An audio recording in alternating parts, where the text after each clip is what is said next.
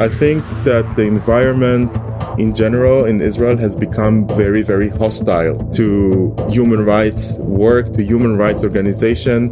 We don't believe that information is enough. We believe that information is necessary. It's a necessary precondition, but not enough in order to bring about change. And we also think Israelis will act only if there's outside pressure that will incentivize them to act. Lyssna till Palestinapodden. Finns där poddar finns.